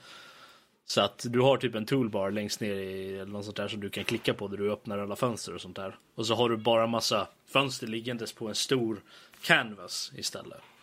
Uh, någonting åt det hållet vore intressant. Uh, men som sagt, jag vet inte om jag skulle vilja ersätta alla mina skärmar med det. Jag tror jag fortfarande skulle vilja ha minst en i alla fall. Sen om man vill ha en större bit så kan man ju säkert gå för en VR-monitor eh, eller vad man ska säga i så fall. Mm. Oh. Ja, jag tror att uh, jag tror vi har diskuterat av oss på den biten. Ja, ja, ja. ja. Jag tror att vi är klara nu. Jävla ost nu. Tyst med dig Fredrik. Uh, du får inte prata nu i alla fall. Ni... Prästost. Feta. I alla fall. Vi hoppar över till övriga nördämnen. Uh, Max, Code GS, 10-årsjubileum. Vad har du att säga mm. där? Det är kanske inte många som vet, men om de har sett någon pro profilbild eller bakgrund av mig så har de säkert reagerat på eh, att jag har något Code Geass-relaterat. En av de få eh, figurerna som jag har också spenderat pengar på att inköpa. Det är de två main-karaktärerna eh, Lelouch och C2 då. Vissa kallar den CC men de säger C2 i, eh, i animen. Det är de två, enda två figurerna som jag faktiskt har uppställda på fint display här. Eh, som sagt, en av min favoritanime och första säsongen kom ut 2006, det vill säga tio år sedan. Så att då bestämde de sig för att hypa lite och säga att ja, vi kommer göra tre stycken filmer, en trilogi som är sammansatt då eh, säsong 1 och 2 i tre filmer. Så en liten summering, en retelling där. Och en, de eh, kommer då spela in nya voice lines och grejer och lite nya animationer också sånt där. Så att... Kallas för, är det, är det OAV eller OVA eller något sånt där? Um... Det brukar vara extra saker. Jo, men jag vet, men jag vet att det har funnits um, um, där de har gjort typ en film också och då kallas det för någonting. Jag kommer bara inte ihåg vad fan det heter nu. Uh, där det är typ en alternate telling av samma events typ och då är det oftast typ senare eller något sånt där. där de ja, det här är samma. Ja, nej, men alltså det är samma events fast det är en ny animation bara typ. Mm, ja, de, de kommer bara göra liksom en summering och uh, det är inte så att de tar klipp bara utan de kör det på riktigt. så. Ja, nej, men det är mm. re, re allting. Men, ja, ja. Det som är ännu roligare är ju att anledningen till varför de gör det här också är för att uh, de tänker släppa säsong tre. Nämen. Mm. Så då, mm. då såg animevärlden har nyligen exploderat Eh, alla Youtube-kanaler som talar om har haft det här som... Jag menar, jag har till och med sett Youtube-kanaler som har sagt att de är trötta på att se den här nyheten. Så att, ja, där eh, har vi den. Det är lite, det är lite roligt så här, nej jag orkar fan inte mer, kom igen nu. Och eh, hela... Nu har den här serien varit ute i tio år. Mm. Så att spoilers... Alla dör? I slutet av serie två så dör main-karaktären, Lelouch, som han heter. Nämen. Oj. Uh, och ja, uh, och nu har ju alla, eftersom att säsong tre heter uh, Lelouch of the Rebellion. Eller det var första. Och andra. Den tredje heter uh, Resurrection of Lelouch, så är det. Jag tänkte på första säsongen, men ja, tredje heter liksom The Resurrection of. Ah, okay. Så att då antar man att han ska komma tillbaka och det finns så mycket teorier överallt hur, eh, varför han ska överleva och så där. Man ser att han dog, men eh, eftersom hela serien handlar om hur han lurar folk och eh, manipulerar och sånt där så okay. det är inte helt otroligt att han skulle kunna komma ur det. Och Det ser vi alla fram emot, säger jag. Många hatar det säkert, men mer Lelouch för mig är liksom en favorit main-karaktär så har jag ingenting emot det. Okej, okay. ja, nej, men det, vi får väl se. Det är inte en serie som jag någonsin har kollat på faktiskt. Jag har hört mycket om den. Liksom. Ja, men det här serien måste man ju titta på. Liksom, och så här. Men jag har faktiskt aldrig... Jag kanske tar och checkar ut de här. De här det farliga tre. med den som sagt som kan få många av att den innehåller mecka. Ja, jag har, jag såg, har sett uh, hela Gundam Wing tror jag. Plus, uh, vad fan heter den nu? Uh, Metal... Full Metal Panic också. Båda de är mech-serier. Så att, eh, Ja, och båda ja, de tyckte jag jag bara om. varnar vissa Olssons för den så att de inte behöver tvingas igenom den. Ja, ja jag vet redan. Ja, eh, jag, får, jag får checka ut dem kanske, vi får se. Eh, när, när dyker de upp då? De här tre? Eh, Ja, det vet vi inte. Vi har fått en announcement på det. Jag kan inte säga att jag har några direkta datum, men jag håller mig borta från det för att eh, hålla mig själv lugn och stilla sånt där. ja, man tycker att det borde komma ut i år i så fall. I alla fall. Man tycker i alla fall första i så fall eftersom det är tio år. Liksom. Men, ja, ja. Men eh, du vet japanerna, de gör ju som de gör. Ehm, vi, vi går vidare från anime till den riktiga världen. Eller ja, den riktiga världen inom Den lite sämre världen. Den lite sämre riktiga världen eh, på något sätt. Eh, Suicide Squad. Eh, jag har, den kom ju nu ut på Blu-ray med sin eh, extended edition så jag har kikat på den. Har jag, gjort. jag har inte sett den innan. Och eh, jag eh, tyckte inte den var sådär jättebra helt ärligt. Jag eh, går, skulle gå så långt att säga att jag tyckte Batman vs Superman var bättre. Eh, eftersom de är satta inom samma universum. De är det va? De är del av samma universum. Ja, med tanke på att du såg eh, alla Ja, år jo, Batman men i precis. den. Ja, så, jo, men det är självklart. jag hade glömt bort det. Det- det. Alltså, det var så... Det största problemet med filmen tyckte jag var storyn faktiskt. Eh, och eh, att det kändes som att de har slängt in flera karaktärer i den som bara för att ha med karaktärerna egentligen. Mm. Jag menar, huvudkaraktärerna var ju helt klart han eh, Flag, eller vad han hette. Hette han det? Rick Flag. Ja, och eh, Deadshot. Mm. De var ju helt klart huvudkaraktärerna. Var de ju. Eh, resten av alla karaktärer var lite så här... eh, jag, men jag tyckte han, vad hette han, han som kunde eld, hette han El Diablo eller någonting? Typ, ja. Jag tyckte han, hans karaktär var, hade en intressant backstory liksom. Och han var som en intressant karaktär liksom. Att han hade gått ifrån det hela och sånt där. Så det, det tyckte jag var helt var intressant. Men de fokuserade inte så mycket på honom. Uh, överhuvudtaget. Och han, uh, och Zelenska, han Captain Boomerang var ju totalt med. Han kunde lika gärna inte varit med. Han tillförde absolut ingenting till filmen, gjorde han inte. Uh, seriöst, jag tror att vi, om man klippte ut alla, bort alla scener med uh, honom i så hade det inte gjort någon skillnad. tror jag inte. Och uh, alltså Harley Quinn är ju helt enkelt egentligen bara där för att vara eye candy, känns det som. På något sätt. För att jag tyckte inte, hon hade egentligen inte heller någonting med storyn att göra. Överhuvudtaget. Hon var bara där för att, för att man skulle kunna ha med Jokern i det hela. Känns det som. Jag vet inte, jag tyckte alla, de flesta karaktärer var väldigt superfluous på något sätt. De var vad, ser du? Superfluous.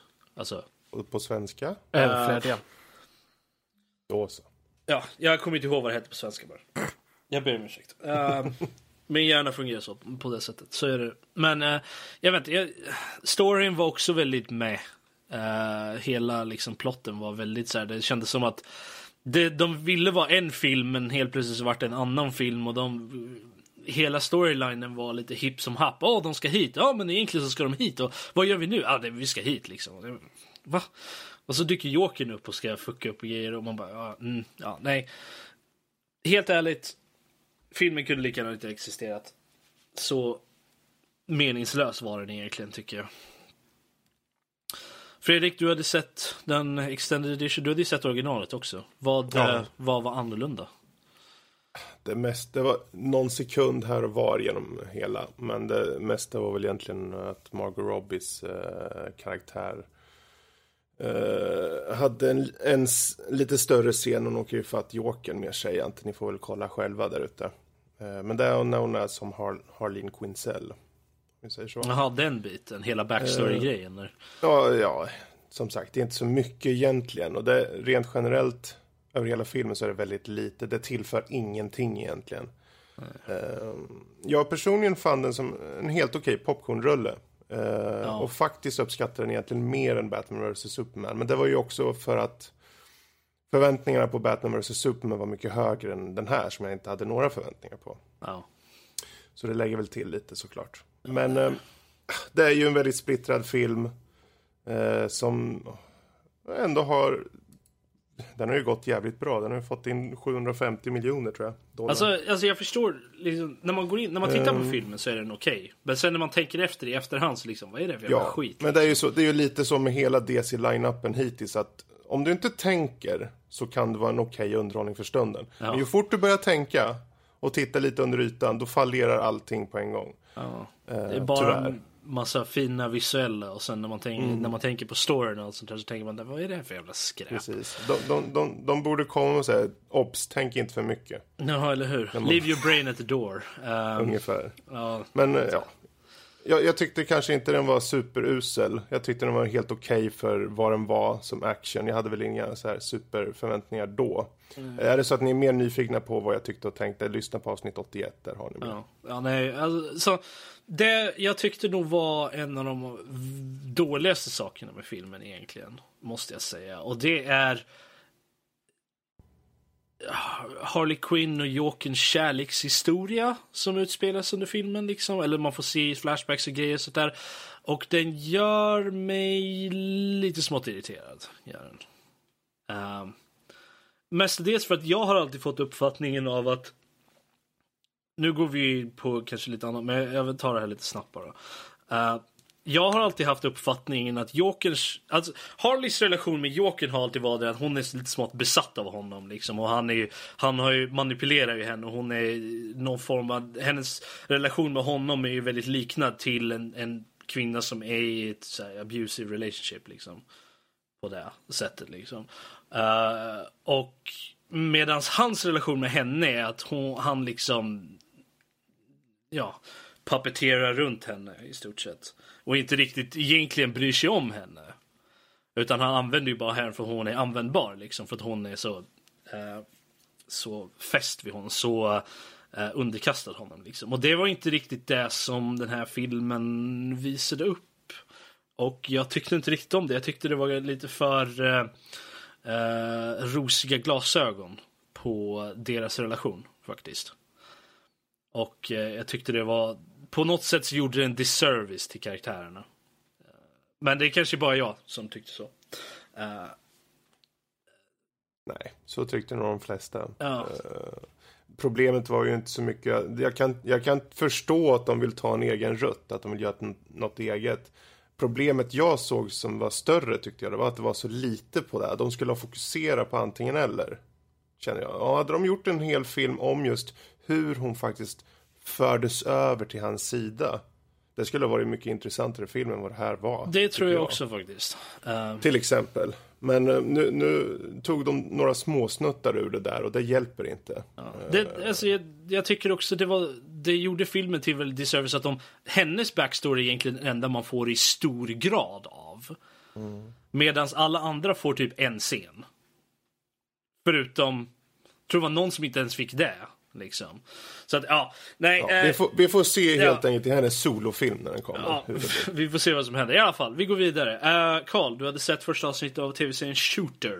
Vad handlar Stämmer bra det. Alltså det, ja, ja, det här var i samband med att eh, Netflix lanserade det här offline-läget som vi pratade oss lite tidigare. Ja, back, callback. Ooh. Exakt. Ja, och då så här scrollar jag igenom bara okej, vad kan vi ladda ner och testa funktionen liksom för att se om det funkar. Eh, och då ser jag här shooter. Hmm, är det samma shooter som den här filmen eh, med Mark Wahlberg för, nå- för några som släpptes för några år sedan? Jag vill minnas att det var 2007, men inte helt säker. Eh, och helt rätt, det är samma, samma story då. Och så tänkte jag, eh, varför ska man göra en serie på en, ja den är baserad på en bok då, men, men som redan har gjorts, filmatiserats. Vi, vi, jag vet vad, som, vad storyn går ut på, vad, vad, vad alla twists and turns är, vad, vad är poängen liksom. Men, men eh, vi, vi, vi ger det här ett försök och se vad det tar vägen och ja, eh, det är exakt samma story. De har ändrat lite saker med både sett från boken men också jämfört med filmen där då. um, ehm, så att eh, man kan ju säga bara lite kort premissen med den här storyn då med, med, med Shooter. Det är att vi har, vi följer karaktären Bob Lee Swagger. Han är en för detta eh, Eh, prickskytt då, eh, veteran eh, som numera bor. I serien eh, så bor han med sin, med sin fru och dotter då. I, I filmen så bor han ensam ute i skogen.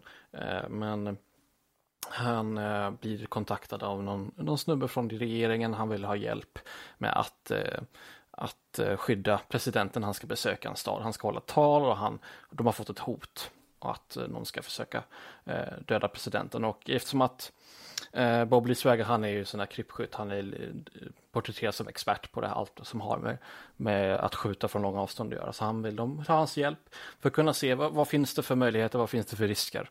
Si och så. Eh, och sen vet jag inte hur långt vi ska gå här, men hur som, då man ska väl kunna säga som att, ja det är väl det, är väl det så, så, så långt jag skulle vilja lägga upp det faktiskt. Mm. Eh, om man mm. vill man veta mer så skulle man skulle säga att man får, man får kolla på antingen filmen eller serien. Mm. Eh, men det är fortfarande så här, jag förstår inte riktigt poängen med den, för att jag har sett filmen två, två eller tre gånger och jag tycker den är ganska bra. Eh, den är så här högproduktion, actionrulle, så här popcornrulle liksom. Medan serien, den har inte riktigt lika hög produktionskvalitet liksom. Den är inte riktigt sådär eh, lika eh, liksom, som kanske storyn i mitt tycke kanske kräver ändå. Så att Mm. Men eh, är frågan, frågan är ju samma sak för alla såna här serier som är baserade som uh, eh, 12 Monkeys till exempel som är baserad på en film. Liksom. Mm. Mm. Och flera andra serier som också är baserade på uh, en film eller en bok som redan har gjorts tidigare som film eller sånt där. Det känns liksom, det är lite samma fråga. Och jag vet inte, man kanske måste se mer än första avsnittet och så för att kunna ge uh, en take på varför varför de tyckte att oh, vi kan göra någonting mer av den här serien. Men, mm. äh, alltså det, det, det, det är över, alltså, en fördel som en serie har att det finns, det är ju totalt sett längre runtime då så de kan ju gå mer in på djupet så att säga. Mm. Men äh, då så tittar man från ett sånt perspektiv så ser man ju, ja men äh, första avsnitten är 30-35 minuter långa så att det är ju inte som att de riktigt gå på, på djupet på samma sätt. Eller på, på, på något större djup än, än vad filmen gör. I alla fall hittills då. Um, så att jag blev väldigt, jag är fortfarande fundersam och lite osäker på vad, vad poängen är liksom. Mm. Vi får se Dessutom, vad som händer antar jag. Ja, och sen så, det är att alla har inte sett filmen. Men jag har sett filmen och jag vet vad som kommer hända så det, det förstör ju lite av det hela också. Så att Nej, men alltså, det, det kanske devierar från filmen eller något sånt där också. Ja, kanske känt att vi kan ha det som här, det här är en bra premiss, vi kan börja med den och sen så går de över till någonting annat. Vem vet? Så kan det uh, vara, absolut. Men uh, känner du att var, var den okej okay, eller är det värt att titta på? Om man inte har sett filmen som sagt, är det värt att kanske ja, titta på serien? Om man inte har sett filmen så tycker jag att det är en intressant story faktiskt, kan jag väl säga själva upplägget så. Sen så är igen en fråga hur mycket den följer det som filmen visade och det är som sagt baserat på en bok eh, som dessutom eh, där de har tagit mycket friheter. Det är ju bara den liksom eh, alla detaljer, alltså vilken tid den utspelar sig och vilka, alltså så den är, boken är ju baserar sig efter eh, Vietnamkriget mellan eh, både filmen och serien i modern tid då. Så att det är lite så här eller nutid kanske man skulle kunna säga. Vi får, att, vi får se helt enkelt. Du ja, kan, om du tittar på mer om den kanske Har man Netflix så visst, ge den ett försök. Men det är inget sånt där som jag skulle hoppa högt över. Ja, mm. men ja, då tar vi och rappar upp, eh, vi rappar upp eh, övriga nördämnen. Och hoppar vidare till sista segmentet. Lyssna mail. Karl, har vi fått något roligt där? Ja, absolut. Jag, eh, jag har faktiskt med det här framför mig och det är allas våran kära supertacon. Supertacon! Supertacon! Och eh, han, titeln lyder så här, flytt, flippa ut på spel, taco style. Och som vanligt när det gäller Supertacon mail så det här är hans ord och inte våra någonstans. Vi representerar inte Supertacon på något sätt. Så nu kör vi. Men han skriver som följande. Hej alla nördlivvänner. Jo, jag hörde er diskussion om när ni senaste flippade ut på spel och varför. Så jag, jag tänkte dra lite ur min experience över det solklara pungbrockspelet Dark Souls. ja. Nej, i alla fall eh, så var Mega Man, så, nej, i mitt fall så var Mega Man 9. Jag och bror skulle spela igenom det. Det tänkte vi precis som vi försökt med de flesta med mera spel. Ja, han, nu är Ordbygg... Jag tror han menar medan... Megaman-spel. Där. Ja, Megaman-spel. Mm. Ordbyggnaden, meningsbyggnaden är lite lustig här, men oh, nåväl. Ja. Men en annan gång tog det stopp direkt. Inte nog att det tog stopp, det var också så att det var jävla spelet kocktisa oss med om vartannat. Ett litet tag så blev det speldugligt för att sen kasta, kasta in det som spelare i en betongvägg. Samtidigt som det skrattar åt det, kallar det fula saker och tvingar er att lyssna på dödsmetall som gjord av femåringar. Det blev sagt och horribelt svårt. Till slut gav vi upp helt. Spelhelveten där man tappar sugen för spelet, jävla mysteri för mig. Jag menar utvecklare verkar ibland vilja jävlas med det stackars satar som köper spelen. Haha, köpte ni det? Sug på den här digitala käftspällen, den där kapitalistsvin. Herregud. Nåja, milt sagt. Eh, jag, så tog jag och min bror ut spelhelvetet på gården och spikade fast det på planket, sköt det sedan med förstärkaren på skiten, hoppas att det hittas ända till helvetes mörkaste vrår. Där märker ni, så, så rageade jag på en gång i alla fall. Så ja. Eh, nog med mig, ni är bra som vanligt och så vidare. Tackar, tackar. Men innan jag går så slänger jag ut mig härlig nonsensfråga. För en gångs skull har jag inte något med spel att göra. Okej, här kommer då premissen. Okay. Ja. Okej, okay, tänk, tänk att när ni dör och kommer till Valfjord som man kommer till efter döden. Mm, Kalmar kanske. Och eh, Gud eller eh, spagettimonster eller whatever frågar er. Eh, om ni kan bli reinkarnerade till vilken tidsperiod som helst, vilken tidsperiod skulle ni välja och varför? Stay awesome. Supertack! Ja, ja. Um, vem vill börja? Du börjar, för du sa något först. Ah, fuck. Uh, uh, jag vet faktiskt inte. Kan jag välja en framtida period? Alltså det står ju inte bestämt om det var ja, bakåt i tiden. Säg, jag väljer eh, en period i framtiden, en obestämd period i framtiden där vi har uh, uh, kan leva för evigt, har uh, faster than I travel och kan åka till andra planeter och sådana grejer. Den ja. väljer jag och det är därför jag väljer det.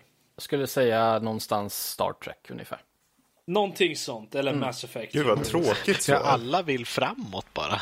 Ja men det, alltså. Ja, men Alltså, alltså, nej, välj något förr. Det är bättre. Oh, fine. Um, jag kan säga det. Jag, jag, då ska jag bli piratdjävulet. Jag ska bli en svensk pirat som håller ut i Karibien. Åh oh, nej, nu kommer han. Enögde Fredde.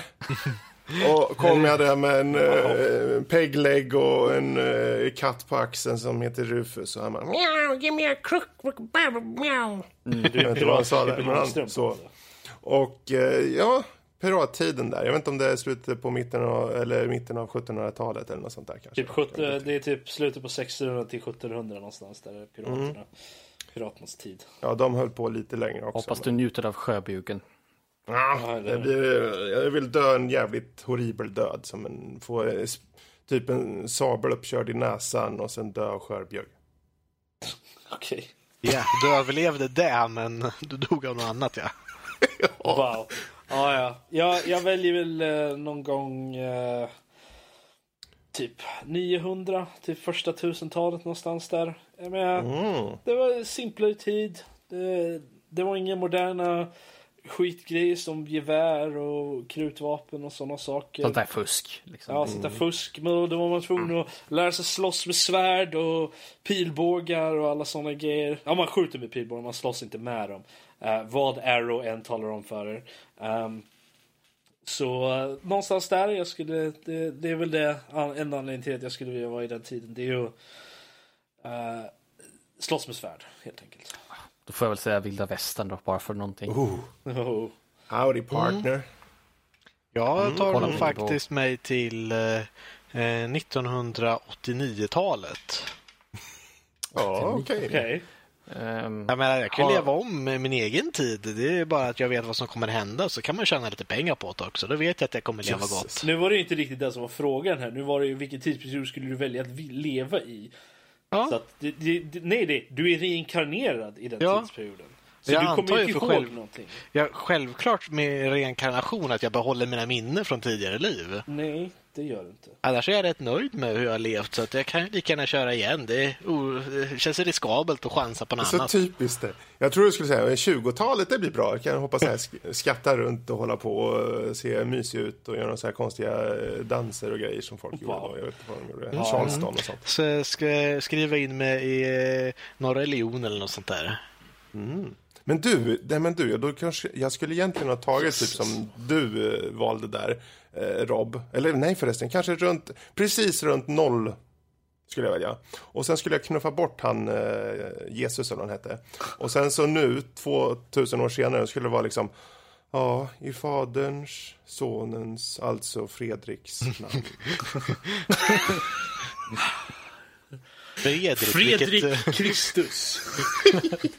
Fredrik Kristus, Man hör sig på olika... När, för i- Hosianna, i engelska så Fredrik svär de ju. namn. Så det blir Fredrik Christ. Säger de. Så, Ja, alla svär. Fredrik! ja. Ja, jösses. Oh, wow. Bilda religion, ja. Ja, nej. I alla så får du tänka Äh, på de barntillåtna svordomar. Du kan ju inte säga liksom Fredrik utan du vill säga Fritjof eller något sånt där. Ja, just det. Man får ju inte missbruka mitt namn. Wow. Åh. Jösses. Jag tror vi avslutar där faktiskt. Tror jag. Vi, vi tar och, och stänger av det här avsnittet. Nej, tyst Fredrik. Inget mer. Det får du vara. Vi säger stopp för podcasten här. Shh. Du kan få sjunga i ett annat avsnitt när jag inte är värd. Ehm. jag. Jag måste Antika samla mig. Jag måste Grekland vore ju kul också. Jag Jag, måste- Aristoteles, vet du. Så här, bästisar. Ah. Tjena Aristoteles, kom ju på något nytt? Käften med, vad fan är problemet? Han pratar svenska också för övrigt. Ja, och bara... Ah, Jesus. I alla fall, eh, vi tar och avslutar här. Eh, vill ni se mer av oss eller höra mer av oss eller vad ni nu än eh, vill så finns alla länkar, all info, allting du någonsin skulle vilja veta och ha om Nördliv på www.nördliv.se. Och ja, det är Nördliv med ett Ö för att eh, Fredrik sjöng till det så. Gå även gärna in på vår iTunes och eh, lämna en eh, trevlig liten kommentar där ni talar om just varför Fredrik inte ska prata om massa ost hela tiden. Eh, Baron, Blå Gotland, fatost, grevé, herrgårdsost, eh, hushållsost, koggost, kryddost, norrglimt, prästost, raketost, rörost, stureost, svetsia, vit kaprin, västerbottenost eller kanske ädelost. kan de kicka honom? Alltså, seriöst. Eh, och lämna gärna ett betyg till oss också där. Uh, för att tala om en liten, så här, är det stjärnor de har på iTunes? Jag är faktiskt inte säker. Ja, det är väl det, eller ostar. Okej, stjärnor. Lämna oss gärna fem stjärnor. Eller vad ni tycker är bäst. Eh, Fem hushållsostar. Det är riktigt billiga jävlar från Ica. För 26-procentiga, vet du. Oh wow, jösses. I alla fall. ehm, ni kan även kontakta oss på en e-mail, vilket är en sån här moderniteter som man hade även när det var eh, uppkoppling via telefonnätet. Ehm, Och eh, den är då info.nordlivpodcast.se. Eh, ni kan även nå oss individuellt på våra förnamn, till exempel mig, Rob, med två B, eh, at nordlivpodcast.se, där ni kan skicka in till oss personligen och vara lite så här eh, seduktiva i, i Ni kan också individuellt nå oss på Twitter, där vi Yes. vardera finns på Twitter. Jag är ett Freddy Olsson. Jag Jag finns- är at Veldarion. jag är- finns som att Holmer Karl. Och jag finns också där. Oh, Eh, vi har ju även ett, ett, ett gemensamt där det är at Nordliv Podcast också. Så att, eh, Precis. det, det går Ni att nå oss hittar väl där. oss på något sätt. Vi har väl länkar till det på hemsidan. Så att... Yes! Där har vi. Det är Då så. även så att, eh, nu kommer vi till den stora grejen innan vi avslutar här. Vi har en tävling nu under december månad. Eh, den börjar idag, nu på momangen. Så att eh, när du hör det här så är det dags att uppmärksamma. Till och med den 25 december, så det borde vara lätt att komma ihåg för det är dagen efter julafton. Eh, och jag vet inte varför jag var så seriös för det, men nu kan jag inte fokusera. Och det här är då en tävling. Ni har möjlighet att välja vinna två stycken gamer headset. Ja, vi lottar ut två stycken gamer headset och tre stycken spel av mysteriska eh, namn. Eh, eller origins, om man vill vara sån. Och allt ni egentligen behöver göra är att mejla in till oss eh, på info.nordlypodcast.se och tala om för, er, för oss vad, varför ni lyssnar på Nördliv.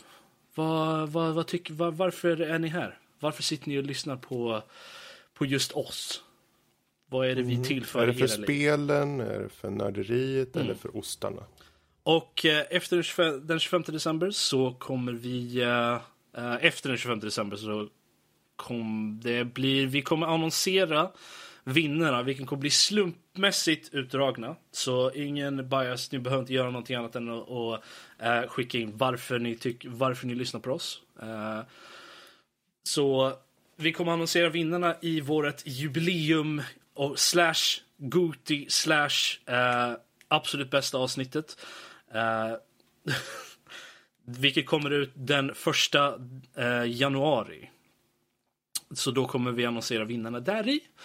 Så att eh, ta och eh, släng er på er e-mail och skicka in till oss på info.nordlypodcast.se. Och jag tror det var allt. Såvida jag inte har glömt någonting. Jag tror det är bra så. Ehm, och med det så säger vi tack och hej här på, från oss här på Nördliv. Det är nu ni ska säga tack och hej. Eller hej då i alla fall. Tack och hej. Ost. Herrgårdsost.